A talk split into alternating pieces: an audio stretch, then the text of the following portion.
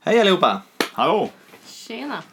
Välkomna till avsnitt 10 av Medförfattarna. Jajamän. Vilken... Eh, vad heter det? Vilket jubileum. Ja. Milstolpe, Milstolpe, så Ja. heter kanske man det. vill säga. Ja. Jag trodde man inte Exempelvis. att vi skulle bli så här stora. så att de tillåter att vi spelar in tio avsnitt. Ingen har stoppat oss än. Nej, inga, inga granskningsfall eh, fall än Ärenden. Nej. ifrån granskningsnämnden. Men om ni, har några, om ni har något som ni tycker borde granskas så kan ni mejla in till granskningsnamnden at Nej, mejla med författarna först. mejla. får vi Ja, se. med oss först. medforfattarna at gmail.com. Jaha, Ja. idag pratar vi som vanligt om någonting nytt, någonting gammalt och någonting udda inom medicinens eh, s- spännande värld. Ja. Ska vi dra igång?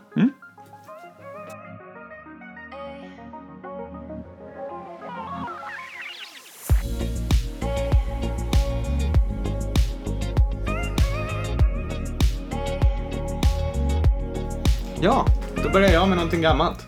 Japp. Berätta Joe. Ska jag berätta? Vi har inte sagt vad vi heter, för det det är proffsigt att göra det. Jaha, nu är vi oproffsiga. Ja. Ja, Tionde avsnittet, vi börjar- börjar bli slappa. Ja. Men jag heter Joe Aiken. Och jag, Nej, säg du.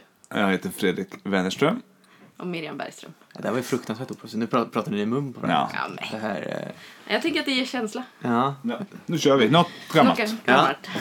Eh, jag ska prata om eh, och kring eh, Bacillus anthracis. Oj. Anthrax. Oj. Bandet. Eh, nej, Nej. inte bandet. Eh, alltså mjältbrand. Oj, alltså jag tänker fortfarande när jag var liten så tänkte jag att det var alltså mjällbrand. Alltså, att det, alltså jag tänker liksom på hår, att det är liksom mjäll som brinner Ja. så här. Men det är ju Ja, det, Det, det, det är helt fel. Du tänker det- inte som det, jag. Det är fel. det är fel ja. ja, Utan Det är ju vilken ingenting hjälte. som brinner. antar plötslig jag. mjällbrand.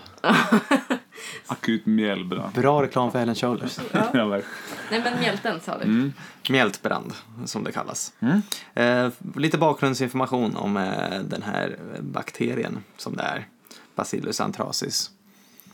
Det är en eh, bakterie som bildar sporer som lever väldigt länge, framförallt i jord. Eh, och då kan infektera människor, framförallt via djur och att man hanterar djur och animaliska produkter. Eh, Så det är många lantbrukare eh, som kan bli drabbade om det blir ett utbrott bland djuren. Som då blir smittade från växterna i jorden. Okej. I djuren alltså. Mm. Eh, s- Smittar inte så mycket människa till människa. Förmodligen inte alls. Ja, kanske. Men eh, det är inte så den sprids. Man ska aldrig säga aldrig. Nej, man ska aldrig säga aldrig. Det finns säkert någon, någonstans. Har någon hittat på att det kan göra det. Eh, den är oftast, som man kanske inte tänker på rent populärvetenskapligt, men mm, populärvetenskapligt när man hör talas om mjältbrand, men den är oftast i huden. Mm. 95 procent är kutan eh, mjältbrand. Ja. Eh, man får i, om man hanterar djur då framförallt, har ett sår på armen eh, som blir infekterat med Bacillus anthracis så får man ett svart sår som blir väldigt fult och eh, svullnar upp rejält. Eh, och bara det är ganska farligt. Det är farligt. Mm. Obehandlat så eh, dör omkring 20-24 procent. Mm. något sånt. Eh, men där finns ju eh, en ganska bra behandling. Eh, jag tror det är gör man? ciprofloxacin, eh, Ja, levofloxacin. man kan jag tror köra det är- antibiotika. Ja, det är antibiotika ganska länge tror jag. Men jag tänker att eh, hela den allmänna kunskapen om hjältbrand kommer ju från de s- s- 2000-talets Mm.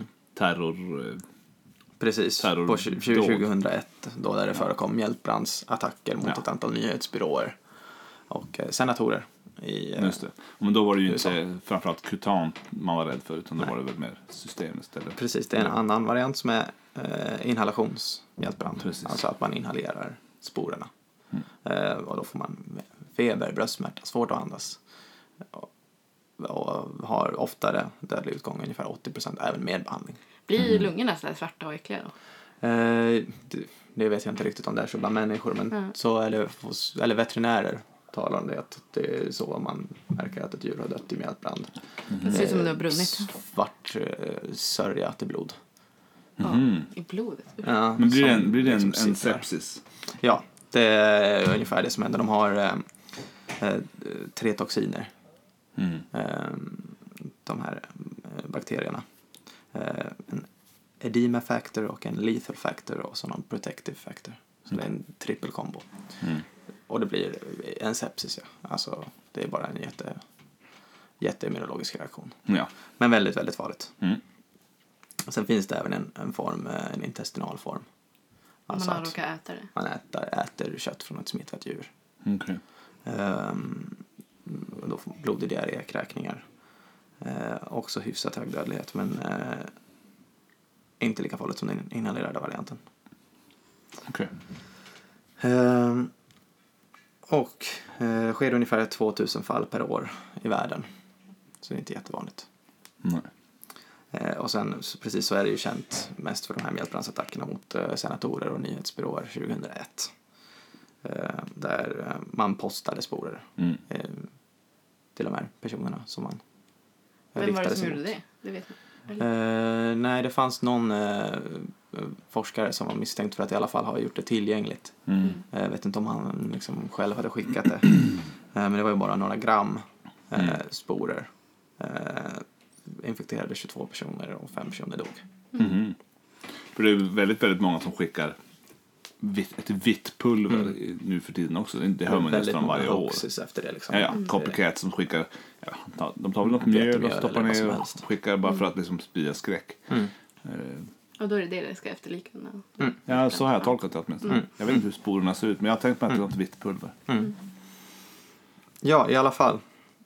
Då har vi bakgrunden om mjältbrandsorsakande bakterien Bacillus anthracis. Mm. Eh, Och nu backar vi bandet till eh, 1979 i Sovjetunionen. Mm. under kalla kriget. Eh, april, maj 79. Eh, och där når det, med lite fördröjning tror jag, västerländska nyheter att det har skett ett mjältbrandsutbrott i Sverdlovsk Mm. som numera heter Jekaterinburg. Mm. En stad med ungefär eh, 1,2 miljoner invånare på den tiden. Långt bort i östra Ryssland någonstans. Eh, oh, det vågar jag Ja, svara det, på det är den exakt var ligger. östligaste, V- var den östligaste VM-staden. Ja, ja Jekaterinburg, ja. Ja, så det var på gränsen till Asien, kommer jag att de prata om. Mm. Så det har spelats där. Sverige spelade matchen mot Tyskland kanske? Ja, om inte den var i Kazan. Men de spelade någon match där i alla fall, det någon vet jag. match. Ja. Mexiko- Mexiko var det. Ehm, och det blev en del diskussion om det när det nådde eh, västerländska eh, nyheterna. Eh, lite av en debatt. Det dök upp lite senare artiklar i medicinska eh, tidskrifter, veterinärtidskrifter och juridiska tidskrifter eh, som beskrev det här utbrottet åt- eh, 1980 som beskrev att eh, det var ett utbrott bland boskap lite söder om eh, Sverdlovsk eh, med eh, den här intestinala mjältbranden och Mm. eh, fall av hud, mjältbrand. Ehm, och att det hade dött eh, ungefär en, eh, 66 personer i det här utbrottet. Ja, ja. Eh, nej, 96, 96 personer. Mm. Ehm, men det blev ändå en intensiv debatt för 1972 eh, så skrevs det på en kon- konvention om biologisk krigsföring. Att man inte fick. Eh, ja, ungefär. Okej, och Ryssland, US, eh, Sovjet. Sovjet. skrev under det. Ja, och USA. Och eh, det, det var ju en ganska intensiv debatt om Mm.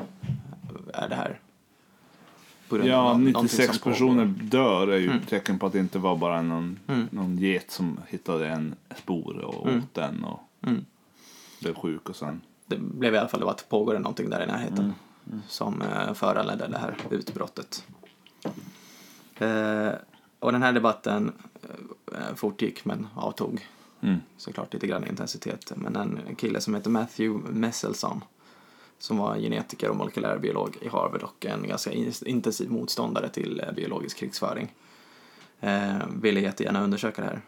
Skickade brev flera gånger till högt uppsatta personer i Sovjet och sa jag vill undersöka de här platserna i, i Sverdlovsk. Mm. Jag vill eh, titta på det ni har. Jag vill liksom, Ja. jag vill undersöka det här, Ja. utreda det här. Jag kan tänka att de inte var så pigga på det. Det dröjde ända till 92. Okej. Eh, Tio år eller drygt. Ja, precis. Men Eh, eh, för nej, Sovjet var det åttio- 89, 90, 89 Ja. eh, för muren, 90 för Sovjet. Ja, Mm. jag tänkte för 89 muren kommer jag ihåg. Men just det. Så det här, då var det efter Sovjetunionen Ja. i alla fall. Ja, ja. För då, Och då- började de väl lätta upp lite grejer. Så. Och då startade Jeltsin en utredning.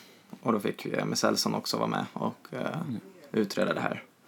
Eh, och var på plats i Sverdlovsk och eh, kom fram till ganska snabbt att eh, många av eh, journalerna, många av de eh, eh, av den data som fanns på eh, folkhälsan i Sverdlovsk eh, från den här tiden var bara borta och förstörd.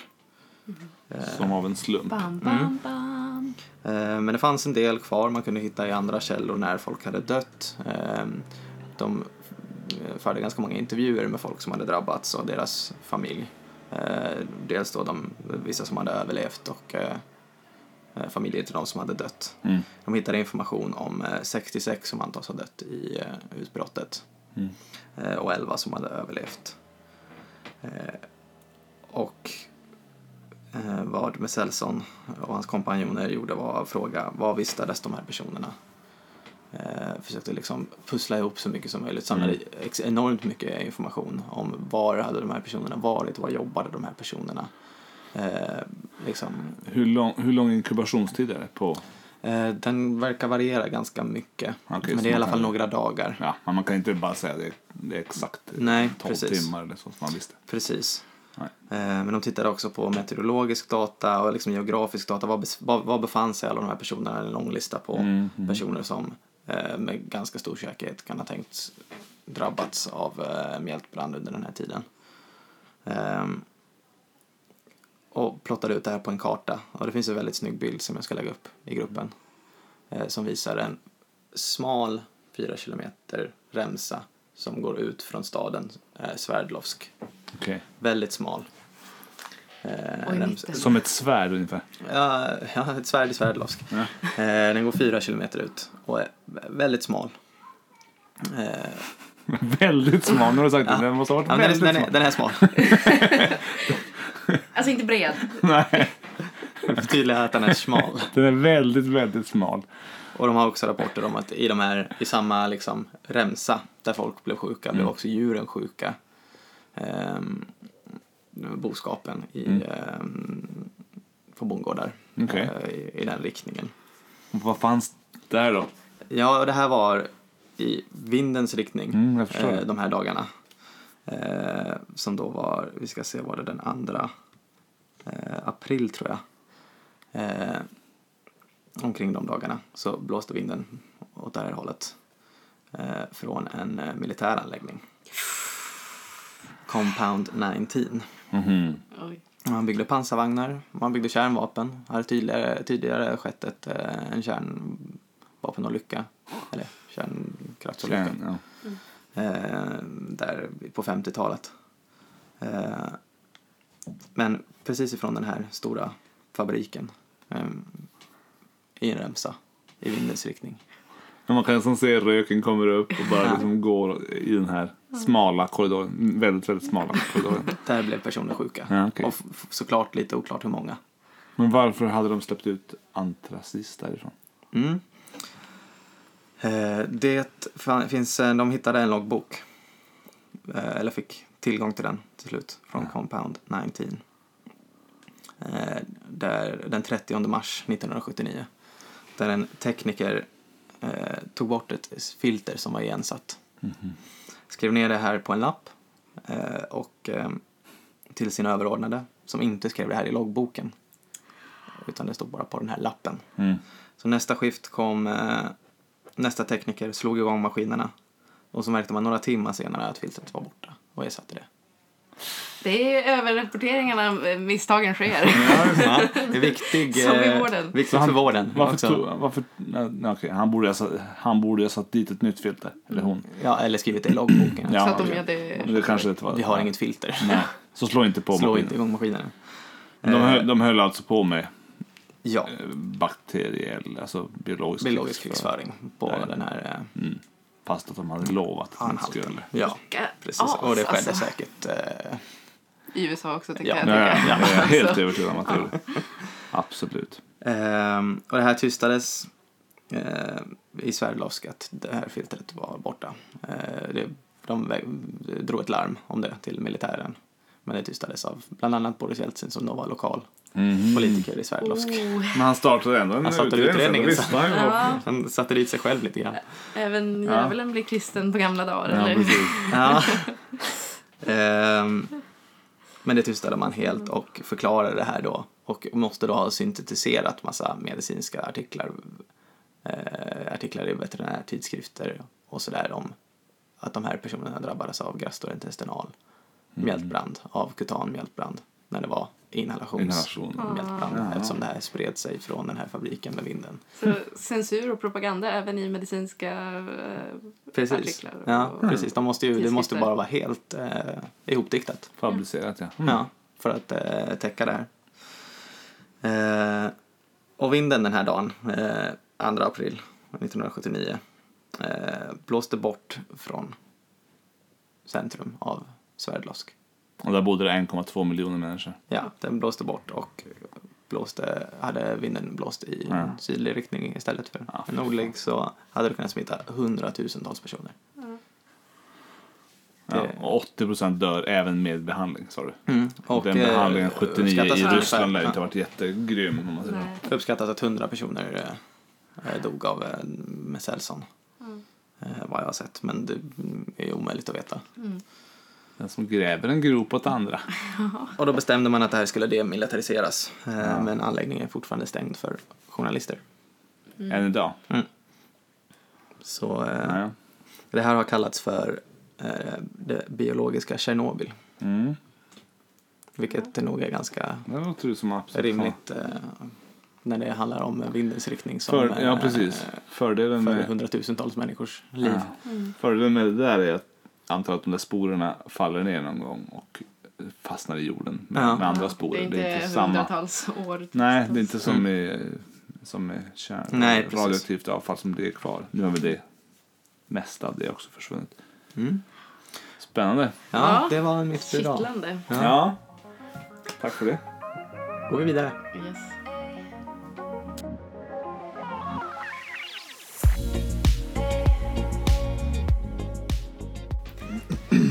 Ja, då kör jag någonting nytt. Ja. Fräscht. Något nytt och fräscht. Det här är en... eh, Ja, vi kommer till artikeln. Men eh, vi kan börja lite grann med huvudvärk. Vad, ehm, ni jobbar ju lite grann på sjukhuset. Här är ett, ett stort problem, skulle jag säga. Huvudvärk. ja, absolut. Ja. Särskilt för dig på akuten. Jag tänker att Ja. på vårdavdelningar är det mer så här, ja men ta en Alvedon. ja nej, det var det inte. så- Men eh, jag, det tänker jag prata mest om är migrän. Mm. Ehm, har du mycket migrän på akuten? Eller har patienter? Nej, inte så mycket. Nej. Jag tror att eh, de som har migrän Vet ganska om ofta känner det. till det ganska väl. Ja, och kommer inte in till akuten. Nej. Jag har haft någon så här som student. Att, Mm, Första gången kan det ju vara lite Mm. ja, det var traumatiskt lite kanske. en med- ny sort. med aura och så vidare. Hjälptes alldeles ypperligt av eh, typ Tanja. Okej, Mm. i alla fall. Migrän då är en, en eh, definitionsmässigt en kronisk huvudvärkssjukdom som kar- karaktäriseras av övergå- intermittent, alltså övergående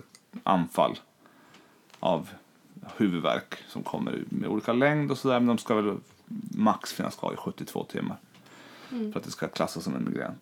Med eller utan aura, sån synrubbning eller lukt... Eh, Känselstörningar ja, kan precis. ju vissa få. Känselstörningar. Vissa kan lukt. väl till och med få motoriska. Ja. Alltså fokalneurologi vet jag Ja. en som får. Så det är ju Hej ganska- Alvin om du lyssnar. Det är ju ganska, kan vara ganska läskigt första gången det händer Ja. kan jag tänka mig. Om man känner att man domnar i ansiktet och eh, sen får man kraftig huvudvärk. Då ska jag också åka till akuten. Men, Absolut. ehm, Det ska man nog göra också. ja, ja. Det, det ska man Det ska absolut göra. man. Men har man, vet man att det är migrän och man får det andra gången och, man, och femtonde gången så kanske man kan strunta i att åka till akuten. Eh, Ja. om du vet att det är migrän. I alla fall, 15 procent av svenska, mm, Sveriges befolkning har migrän och 65 procent av dem är kvinnor. Så det är en, ku- framförallt en kvinnosjukdom. Men då finns det de som har det ännu värre. Det finns alltid de som har det värre. Det är de som har kronisk migrän. Och då, in, då krävs att man ska ha huvudvärk 15 eller fler dagar i månaden. M- Minst åtta av dem ska vara migränhuvudvärksdagar. Och man ska ha haft det i minst tre månader. Sex månader läste jag någonstans. Men man ska ha det, det, det, Mm. Ett tag i räcker, sträck. Mm. det räcker inte med att ha det liksom en, en månad. Utan man ska ha det l- längre period. Och man beräknar att 1-2% av jordens befolkning har kronisk migrän. Va? Det är alltså 70-140 miljoner människor. Om jag har räknat rätt. Fy fan. Va? Ja, det, Ja, men om det är så vanligt i det Sverige. här är det är ju den, inte den så artikeln som jag hittade så påstår det åtminstone. Eh, och jag menar, det, det ligger ju i deras intresse att det ska vara många som har sjukdomen. Men Ja. Mm. eh, Stackars människor. ja, man kan ju tänka sig ungefär hur lätt det är att ha ett arbete om man, om man har hu- huvudvärk 15 dagar eller mer varje månad. Mm. Eh, det är ju inte bara på helgerna då. I alla fall. Mm. Det är ju eh, ingen, eller så som jag tänker på migrän så är det ju ingen liksom lite myshuvudvärk. nej. Jag har just det. sovit för många timmar utan Det Nej, är nej, typ nej. Men hem och Det lägga är sig. ju oftast eh, ljud och ljuskänsliga, Ja. luktkänsliga. Mm. Ligga liksom i ett mörkt rum tyst i några dagar. ja, Alltså det blir inget, inget jobb Nej. gjort. En eh, ganska vanlig behandling eh, är botulinumtoxin, injektioner. Alltså, Mm. För kronisk eh, Mm. migrän. Inte Ja. Mm. för, inte för, nu pratar jag inte om vanlig migrän. För kronisk migrän. Det finns tyvärr ingen riktigt bra evidens. Det finns dock två studier som har visat att botox, då, det här nerv, nervgiftet som alla känner till säkert. Om man administrerar det neuromuskulärt, i, nej förlåt, intramuskulärt i form av då injektioner på så här eh, små injektioner i jag tror att upp till 39 ställen på, på nacke, hals, huvud. okej. Mm, Eh, ganska mycket liksom pill. Så lite akupunktur nästan. Mm. Ja, men lite så. Så kan man få, gör det var, var tolfte vecka. Då har man en statistiskt säkerställd eh, profylaktisk effekt. Och eh, de här två studierna tillsammans slog de ihop. Då fick de eh, efter 24 veckors eh, uppbehandling, alltså två, två gånger då, två, två behandlingar, så kunde man se att de som fick botox i, hade 10% färre huvudvärksdagar än de som, inte, som fick placebo. Mm. Men det är Men ingen ingen jätte- jätteeffekt. Nej, Nej. verkligen inte. Så det är ingen riktigt bra evidens. Men det kan ju vara det som gör skillnaden. Precis. Men man försöker även med betablockerare, eh, amitriptylin, alltså Mm. Det är väl mer saro- vanligt saroten, Betablockerare. Ja, som- Mm. Kan det finns ganska- Satan? ande- som är antidepressiv Eller vilket medicin, är det? Något... eh, topiramat, Ja. Mm. ja. alltså en epilepsimedicin. De har liksom, de är oftast inte så bra tolererade, ja, speciellt kanske då eh, antidepressiv medicin, Mm. saroten och topimax. Men eh, betablockerare går väl oftast Mm. bra. Men de saknar också tydlig evidens på kronisk huvudvärk, kronisk eh, migrän. Mm-hmm. Funkar ju väldigt bra på På som den profylax attackvisa. på attackvisa. Men då har man noterat något som heter CGRP-vägen, den calcitonine gene related peptide, Just det. calcitonin genrelaterad peptid, att den skulle spela någon roll i den här patogenesen för migrän. Och eh, CGRP, om jag kallar den för, det är en proinflammatorisk vasodilaterande, alltså en Vilka kärl? Kärl- vidga kärlen, ja. En, en proinflammatorisk vasodilaterande neuropeptid. Så det är något ämne som finns i hjärnan, i nervsystemet, som är lite inflammatorisk, så retar lite grann och har en effekt så att det, kärlen Vidgar sig. vidgar sig. Och den har man sett att den ökar i, när man tar venöst blod från halskärlen, alltså ha- blod som har varit uppe i hjärnan och på väg tillbaka ner till hjärtat, så tar man, suger ut lite sånt eh, hos patienter som har ehm, Aktiv migrän. Ja. Då får man en ökad mängd CGRP. Medan till exempel hos någon som har spänningshuvudvärk så ser man inte det. Så då har man tänkt att ah, det är någonting med det här. Så nu, eh, i då, det här var en artikel som jag läst som kom den 28 april 2017. Han är tysk förste författare men det är även amerikanska, danska, tjeckiska forskare som är med. Så det är en lite sån internationell studie. De har gjort en randomiserad, dubbelblindad, placebokontrollerad fas 2-studie Oj, oj. på Snyggt. 69 huvudvärkscentra i flera olika länder. Huvudvärkscentrum. Ja, precis. Har- Känner ni till något huvudvärkscentra? Det är Huvudvärkscentrum. nämligen Sverige också med, men jag vet inte exakt var det huvudvärkscentret ligger. Men... Du, du, man ser inte det på Specialister vet jag ju att det finns i, Ja, det finns ju. på KI och sådär. Så de, no- på Rikshospitalet i eh, Köpenhamn eh, så fanns det någon- något huvudvärkscentra. och Bland annat. Mm. Då har man eh, fått med en massa patienter därifrån. I alla fall så har man låtit eh, har man upptäckt att det finns några små molekyler som är CGRP-receptorantagonister. Och de kallar man för gepanter. Gepants. Gepanter på svenska. Eh, och de har tidigare visat lovande resultat som behandling mot akut migrän. Problemet har varit att vissa av dem har varit toxiska. Så att Man har blivit, fått en leversjukdom istället. Då. Ja. Tråkigt. okej. Eh, Så de har fått sluta med det. Men i den här studien så testar man en liten gepant som heter Erenumab. Erenumab, det hör man på namnet att det är en, eh, En antikropp. antikropp. Så det är en human monoklonal antikropp som binder med, med hög eh, affinitet till den här CGRP-receptorn. Mm. Och ehm, de här patienterna randomiserades antingen till att få placeboinjektioner, att få 70 mg av det här RNUMAB eller att få 140 mg RNUMAB i subkutant injektion var fjärde vecka i 12 veckor. Och under den här tiden fick man inte ta någon annan profylax. Så allt som man höll på med fick man sluta med. Och man fick däremot ta akut migränmedicin. Och så fick man fö- fylla i en elektronisk dagbok varje vecka, både innan så att man skulle se att man klarade av att göra det och även under och så fick man skriva hur man mådde, hur mycket huvudvärk man hade, om det var migrän med aura och så vidare. Om man hade tagit ag- mm, akutmedicin och så vidare. Och eh, i eh, studien visar då att på de som fick eh, placebo, de fick minus 4,2 dagars migrän per månad. Alltså 4,2 färre dagar med migrän, bara på Okej. placebo. Ja. Men de som fick... eh, Alltså jämfört med innan de började ta placebomedicinen då? eller? Ja. ja. Ja. Eh, RNUMAB, då var vi nere på minus 6, kom- eh, förlåt, eh, 70 milligram RNUMAB, minus 6,6 dagar per månad och med 140 milligram så var det också minus 6,6. Mhm. Så det verkar inte vara någon, spela någon roll hur stor dos man tar där. Så ehm, det, det var statistiskt säkerställt att det här funkar bättre. Men det är ju, så det är ju bra. 6,6 dagar. Om sen du hade 15 eller fler Mm. kan du få tillbaka 6,6 av dem som du kan. Det är ju en arbetsvecka. Ja. Mm. Däremot eh, så gav vi placebo också 4,2 dagar. Mm. Det är ju ganska intressant. Just det, att bli Eh, följd och uppmärksamma. Ja, att någon, och då liksom. kan man ju verkligen förstå varför bo- botoxbehandlingen här med alla liksom bells and whistles med hålla på och sticka på 39 ställen och det är ganska mycket pill. Mm. Man åker dit och det ska stickas och hit och dit. Att Ja. det- Det är ju väldigt mycket uppmärksamhet. Så det är väl som med placebo överlag, att Ja. desto större liksom, upplevt ingrepp Ja, absolut. man gör, eh, desto större placeboeffekt. Ja. Att om, man, eh, om jag eh, liksom, öppnar skallen på dig så får du antagligen en större placeboeffekt än om jag eh, ger dig ett piller. ja, precis. Mm. Bara av den liksom, upplevda, förväntade, Precis. det här är ett stö- en större Det grej, är en stor grej. kommer funka bättre. Ja. Så funkar det. Men eh, i alla fall, lite, s- det var primary endpoint var då antal dagar man med huvudvärk, men, eh, eller med migrän. Och de gick från förutom minst 8 till gick ner 4,2 och 6,6 beroende på. Sen så däremot kunde- man såg ingen minskning, i- ingen statistiskt säkerställd minskning i de kumulativa eh, timmarna med huvudvärk under hela månaden. Nej, okej. Mm. Okej. Vilket, alltså man, man hade liksom l- lika många timmar med huvudvärk men, men inte lika många dagar. Okej. Så det kanske ändå är bra. För man, så man, man kan kan ju tycka att... eh, anfallsfria dagar, ja. men sen så la de sig i längre kluster istället. Okej. Ja, och man, man kanske, en halv dag kanske man kunde ju vara ha- anfallsfri förut men nu fick man ha en hel dag istället. Men det kanske är bättre för den dagen är väl ändå körd om man inte är på jobbet. Mm.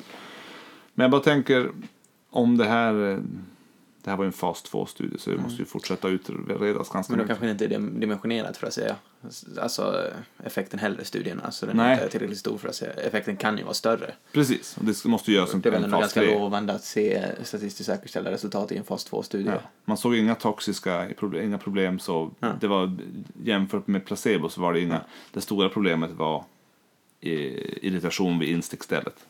Och det kan man ju kanske leva med. Mm. Men så att eh, det finns ju absolut tror jag, potential för att göra en, en fas 3-studie med, s- Mm. med eh, större, en större grupp patienter. Mm. För kan man få tillbaka, om det nu stämmer att det är 1%, 1% Mm. 70 miljoner människor. Man måste tänka liksom rent nationalekonomiskt finns det ju otroligt mycket pengar att tjäna på att få in dem i, Vi gör bättre. i arbete, eller få tillbaka dem till arbetet och Mm. inte ligga hemma. Och, och rent mänskligt måste det ju vara Ja. hemskt att ligga Mm.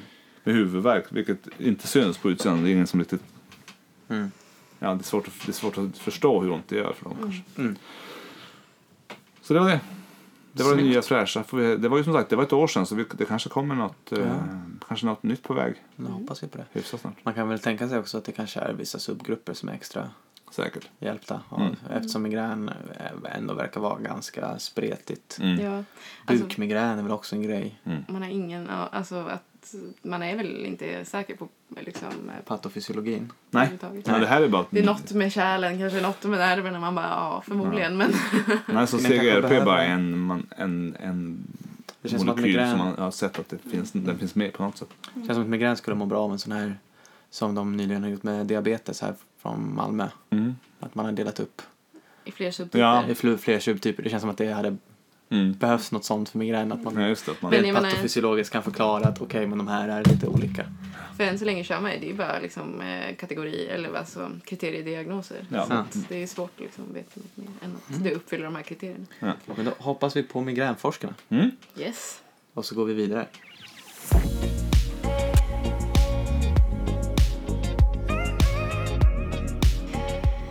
Ja, så här. Vi sitter fortfarande i en eh, sommarstuga idag. Ni kanske hörde lite ljud från omgivningen. Mm.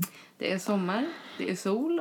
Och vad hör inte sommaren till om lite mord och kanske deckare och mysterier? ja, okej. Ja, deckare är lite Ja, mer. på så sätt. Alltså Ja. faktiska mord tycker jag. tycker jag inte. De Hört. flesta somrar har jag nog varit fri från mord i min absoluta omgivning.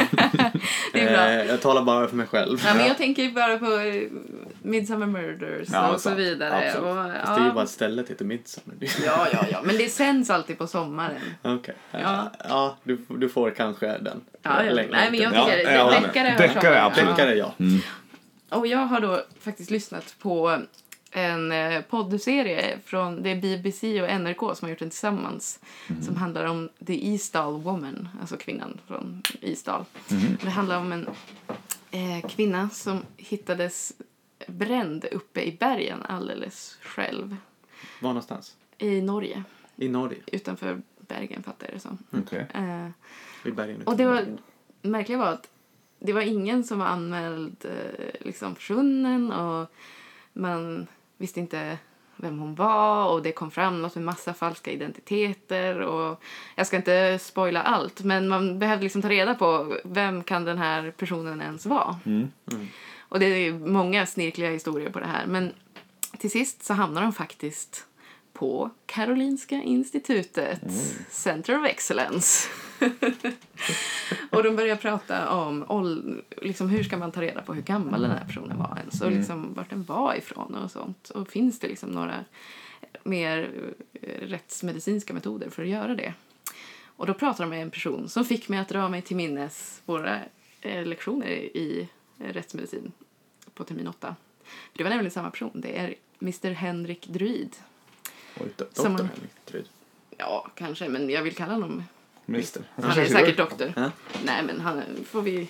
Jag tycker det är så jobbigt med doktorstitlarna hit och dit och upp och ner. Han är Druid. säkert doktor. Det är spännande. Ja. Ja, det är ingen titel. Druid alltså. Sabba inte min storyline här. Nej, men och han var då med och utvecklade en helt ny, ganska spännande metod för att bestämma vilket år någon är född. Och det funkar framförallt nu på senare tid. Och anledningen till det är att det här utgår ifrån kol 14 metoden Men den, man, det man använder är att mängden kol-14 i atmosfären ökade drastiskt eh, 1955 till 1963 när alla provsprängningar av eh, atomvapen skedde. Och det man kunde, har kunnat se då är att kol, eh, det här kol-14 har ökat i atmosfären och sen eh, ja, åker det ner och ko- kommer in i växter som vi sen äter och så lagras det in i våra kroppar. Men där det sen stannar för resten av livet är då i emaljen på tänderna.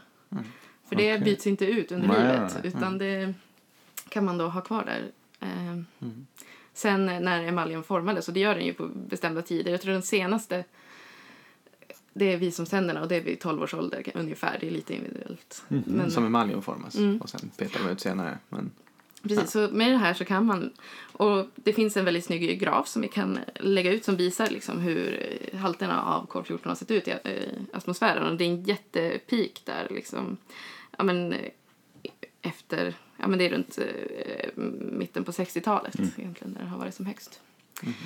Och 2005 då så lanserade de den här metoden. Det är framförallt de från cell och molekylärbiologin eh, Och eh, på Rättsmedicinska centret eh, på KI, men också någon från Kalifornien som var med och tagit fram det här. Och det man kan göra då är att man tar helt enkelt tänderna och analyserar hur mycket kol-14 det är. Och sen kan man säga, det tidigaste man kan säga är väl egentligen de, alltså man kan säga om de föddes före, Mm. alltså liksom det vi kan detektera. Eller så blir det väl 1955 då minus 12, igen, eller blir det ju liksom 12 år tillbaka i tiden, så det blir ju 1943. Mm. Och, Okej, så det funkar inte i diskussioner om eh, ensamkommande flyktingbarn som har varit nu med MR och... nej, alltså det skulle ju säkert funka, men då måste du dra ut tänder på dem och det känns kanske lite Ja, nej, taskigt. nej, nej, det, Ja, men det dessutom. funkar inte med det- det, sån säkerhet heller kanske. men jag Alltså tänker det är säkerheten som är... Alltså den är mycket bättre än alla tidigare metoder man har använt här. Mm. Okej. Okej, men jag Eh. trodde att man bara kunde se om det var före eller efter en viss... Nej men det kan man se, det är så långt tillbaka man kan säga. Ja, men ja, sen okej. efter, Efter. det så sjunker liksom det med en Ja, viss tack takt. vare att det kom så mycket mer Ja, kol precis. 14, annars Om- var det för lite kanske. Precis, Ja, tidigare ja. så fanns det ingenting. Då har det liksom varit ganska orörligt i hela mänsklighetens historia. Alltså, eller så långt Så tillbaka man kol-14 har kan- legat på en baslinje Ja, och i sen har man den här atmosfären. enorma Ja, ja, hopp. Och sen okej. har vi Och liksom sen en sjunker sakta kurva som går ner. Ja, och förstår. så- Okej, så man okej. Så det skulle, förespår app, att man det kan- skulle visst funka nu då, Ja. men, men eh, man, man kan ju såklart inte dra ut tänder på folk. Det fattar Nej. jag också. Eh, eh, Jag ska prata om eh, medicinska åldersbestämningar Ja. i nästa avsnitt. Och sen är det ju, barn är ju lite av ett eget, eh, alltså där finns det andra metoder. Men hos Ja, vuxna ja, så finns det inga morfologiska metoder Nej? att använda, alltså det är plus minus tio år på det. Eh, och sen har man använt tidigare också någon metod som kan användas som ser kanske hur gammal en person var när den dog till exempel. Där man ser, det är nog asparginsyra som blir, alltså omvandlas från eh, jag tror L-form till D-form i någon viss takt. Men det är också plus minus fem år. Mm. Okej. Och så beroende på hur varmt man har varit. Eller om man Okej. Så hur bra var den här då? Plus, Den minus. här var, just den här så var faktiskt, kunde säga med 1,6 års eh, säkerhet plus minus 1,3 var väl standarddeviationen. Men ändå liksom ungefär två år Ja, ja. Mm. och hit och dit. Så Och det- på, i det här fallet så var det värt om det var en som 70-åring eller en Ja, 30-åring. Men, men precis, Mm. i så- fallet med, med, om det är ett barn eller en vuxen. Men Ja. är liksom de Svårt. morfologiska grejerna så svåra? Mm. För handlar det här om att, eh, i fallet Isdalkvinnan, handlar det om att veta ungefär... Hur, alltså, hur, gammal gammal, var den? det visste man inte jag heller. antar att man ville veta om hon var brö- sönderbränd. Så vill man väl Ja. Mm. veta, är det här en 50-åring? En 20-åring? Och en ingen 90-åring? kände henne heller Nej. så hade det Ja, men rapporterats. så, Så, vad att ska, man vi måste, vad söka, ska vi vad ens ska vi leta söka på efter? ålderdomshemmet eller ska vi Ja. söka på flickskolan? För det här tänker jag, eller jag vet inte, det känns som att det finns så många andra liksom lite fulmetoder Mm. i rättsmedicinen, alltså vissa tandimplantat och Ja, ja, eh, absolut. Men det så här här handlar ju mer om... i- osteoporosfrakturer om ja. det finns, så det säger det väl det en Ja. del om ålder. Men Det här handlar ju mer om fall där du in, identifieringsfall där du inte Ja. vet vem det rör sig om. Ja. Eh, särskilt kroppar som kanske är liksom sönder av någon anledning. Eller du inte har någon. Det handlar ju om för att få en klar misstanke om vem det kan röra sig. röra sig om att vara. Och eh, ja, men jag tycker det är väldigt spännande. Just det här fallet i Stalwoman, det hände ju på eh, 70-talet och då hade man ju inga möjligheter. Men så Nej. är det någon, några journalister som har liksom gett sig in på att så här, det här ska vi se om vi kan komma någon närmre. Okej, så det finns alltså en podd om det här som man kan lyssna på? Ja, jag tänker inte spoila, jag har Nej. inte heller helt lyssnat klart än. Men eh, Så, vad, Vad vad heter heter den? Vad heter The East Doll Woman heter den. Och, BBC och NRK. ja, IS, ISDAL? ja. ISDAL-woman. Och där kan man även, jag tänkte att jag nämner lite snabbt att man har också börjat kolla på kol-13 som då är en stabil isotop. Och isotop är alltså kol med olika mängder av neutroner och sådär. Eh, men, och det har man ku- också kunnat hitta att det lagras in olika i olika sorters växter. Så beroende på vad du har ätit när du växer upp så kommer du ha olika mängd av det i dina tänder. Och det här har man liksom tänkt att man ska kunna använda då för att växter som eh, majs och sockerrör har mycket mer av det här än Mm. eh, potatis och vete. Så man har kunnat se skillnader mellan människor som växer upp till exempel i Skandinavien eller Mm. i Sydamerika. Och sådär. Så att för att kunna säga liksom, ungefär vilken geografiskt område någon har vuxit upp i kan man också använda det här för att säga. Mm. Så det tycker jag är lite... Coolt. Man säger var och när. Ja. Eller var och hur gammal, Mm. Ja. potentiellt. Spännande. Ja, så det kan man titta närmare på. Jag tror även det finns... Komma fram till hur gammal Isdal Ja, men jag tänker att det Får man inte spo- ska man man inte kan spoila det? lyssna det på, annars blir det så tråkigt. Jaha, det, det spoilar ändå Ja. Mm. någonting? Okej. Okej, nej, det får vi. Hur, hur kan det spoila någonting? Ja, men- Var hon 250 år gammal? Vi får se. Spännande. Det finns säkert mycket mer att säga om det, men jag tycker det är lite... Mm. Ja, det ska vi lyssna på. Det var allt för idag. Ja, Avsnitt 10. Nu går till vi och sin ända. badar. Nu går vi mot 100. ja nästa Just Nästa det. är 100. milstolpe. Vi räknar inga andra som milstolpe. Nej, nej. Maila oss att eh, medförfattarna gmail och sen skriv vad som helst. Bara skriv till På oss. Vi Instagram, på älskar- Twitter, på Precis. vad som helst. och Sprid oss till vänner och Ja. lyssna på oss kanske framför allt. Ja. Vi är tillbaka Om om två veckor Två igen. veckor. Ja, tack för oss. Hej då!